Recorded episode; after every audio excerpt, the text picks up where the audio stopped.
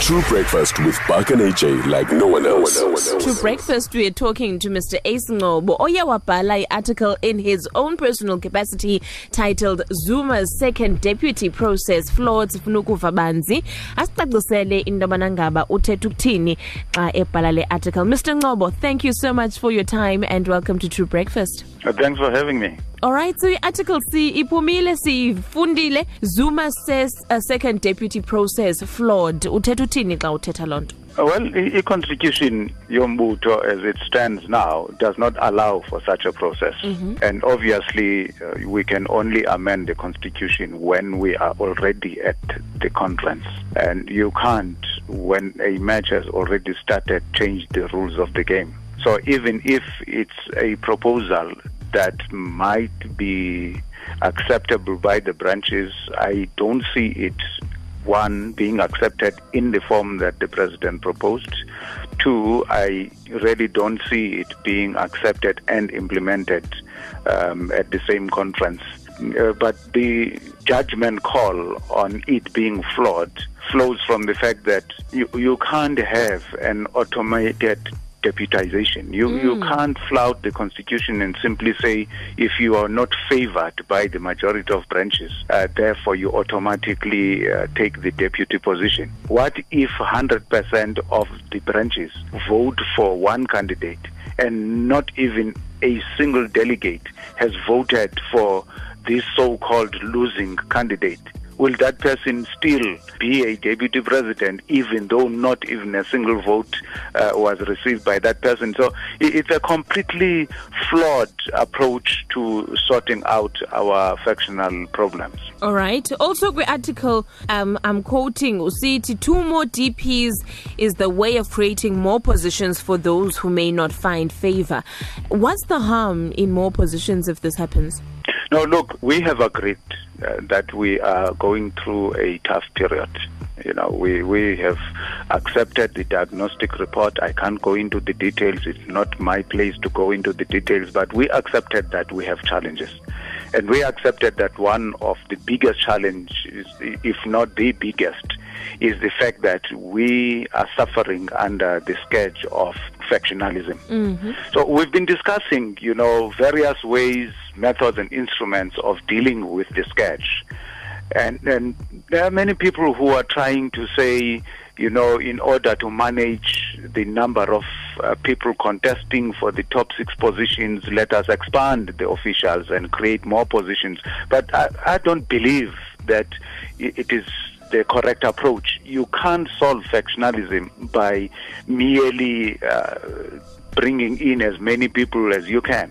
You deal with the causes of the problem, no, not a, a papering over cracks. Because when you're saying, okay, there are nine people who are contesting for the position of president, let us then expand the uh, the officials to create nine positions and that just take all those candidates into those nine positions. It's flawed.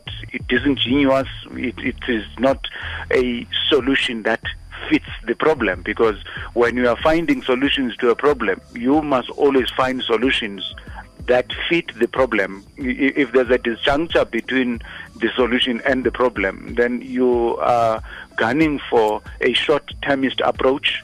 Uh, it's in instant gratification that's not going to last you for long. All right. Now, in your article, uh, uthethe kakhulu nge-factionalism and into ngaba leading up to the uh, policy conference in, in the media as well eli gama likafactionalism liye lathethwa kakhulu nomntana nomntana obengalazi uyalazi ngoku yintoni eyenze iyantlukwana kangaka kumbutho olawulayo is it a, a you know a question of ideologies okanye yintoni kanye le yenze kubekho iyahlukwana kangaka No, I, I can safely say that there are no ideological differences Okay. uh, within the ANC. Um, we- 99.99% of all members and leaders subscribe to the same ideology. We, we are all pursuing uh, the creation of a national democratic society through a national democratic revolution. We all agree what the people of this country and this country uh, need. We, we all agree on what needs to be done. We all agree that uh, much of what we do as a developmental state accrues from the Freedom Charter. So there is no ideological battle mm-hmm. with it. There might be minor differences of opinion in approach and in terminology, as was seen with whether or not we characterize monopoly capital as white mm-hmm. or just monopoly capital. But in terms of ideology, generally, you know, there's quite a lot of synergy. The cause, the root cause of factionalism does not even come from the leaders themselves. It comes from people who want to position themselves as close as possible to the control of state power. Now, in order for you to be as close as possible to the control of state power, you must first hold a position of leadership in the ANC. When you look at that situation, you find branch membership manipulation, you find the manipulation of branch nomination processes because a particular uh, slate of leaders must emerge and you find a, a, number of lobby groups being built around that particular leader, the, the composition thereof being made up of people who want to be seen to be close to those leaders, who will then, after the election of those leaders, go back and say, I put you where you are, I want that tender, I want that position in government. And, and that's exactly the root cause of the problem. And if we are not dealing with that, if we are not dealing with the people ababona ukuba ukufakwa kwiposition embuthweni nokufakwa kwiposition kwigovernment yi-license yokuba imali karhulumente mm. if we don't deal with that problem then we are not going to solve the problem of factionalism because that's where it comes from wonke umntu ufuna usondela esithebeni wonke umntu ufuna utya abantu bengekatyi that's the problem that we are having and we shouldn't run away from telling that truth Mr. Ncobo, um, we see now in Dobanangaba Nagui local government elections, Mutola, you're losing some very important metros.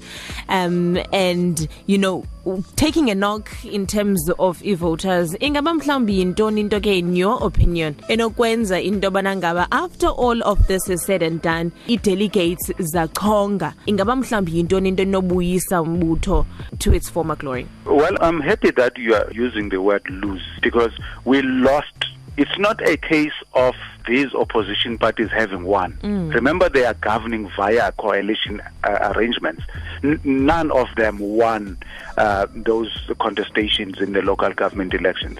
We lost. We did not just lose because there were votes given to the majority of the opposition parties, but we lost because our people decided to withhold their votes. That was the biggest problem that we suffered in the August 3, 2016 election. That our people stayed at home because our people are angry with us. Our people feel that we made promises and we never kept those promises. Mm-hmm. Our people are punishing us for being distant from them. They're saying we have become an organization of, of arrogant, elitist uh, leaders who have forgotten what it is that we need to do to stake our claim as we always claim that the ANC is a leader of society. We have forgotten about the people, and until we go back to the people, we humble ourselves and apologize to the people and start doing the right things. Between now and 2019, ensure that every rand that is budgeted for service delivery goes towards service delivery and not into the pockets of people who happen to hold leadership positions in government and leadership positions in the ANC. That's all we need to do. We need to go back to the basics.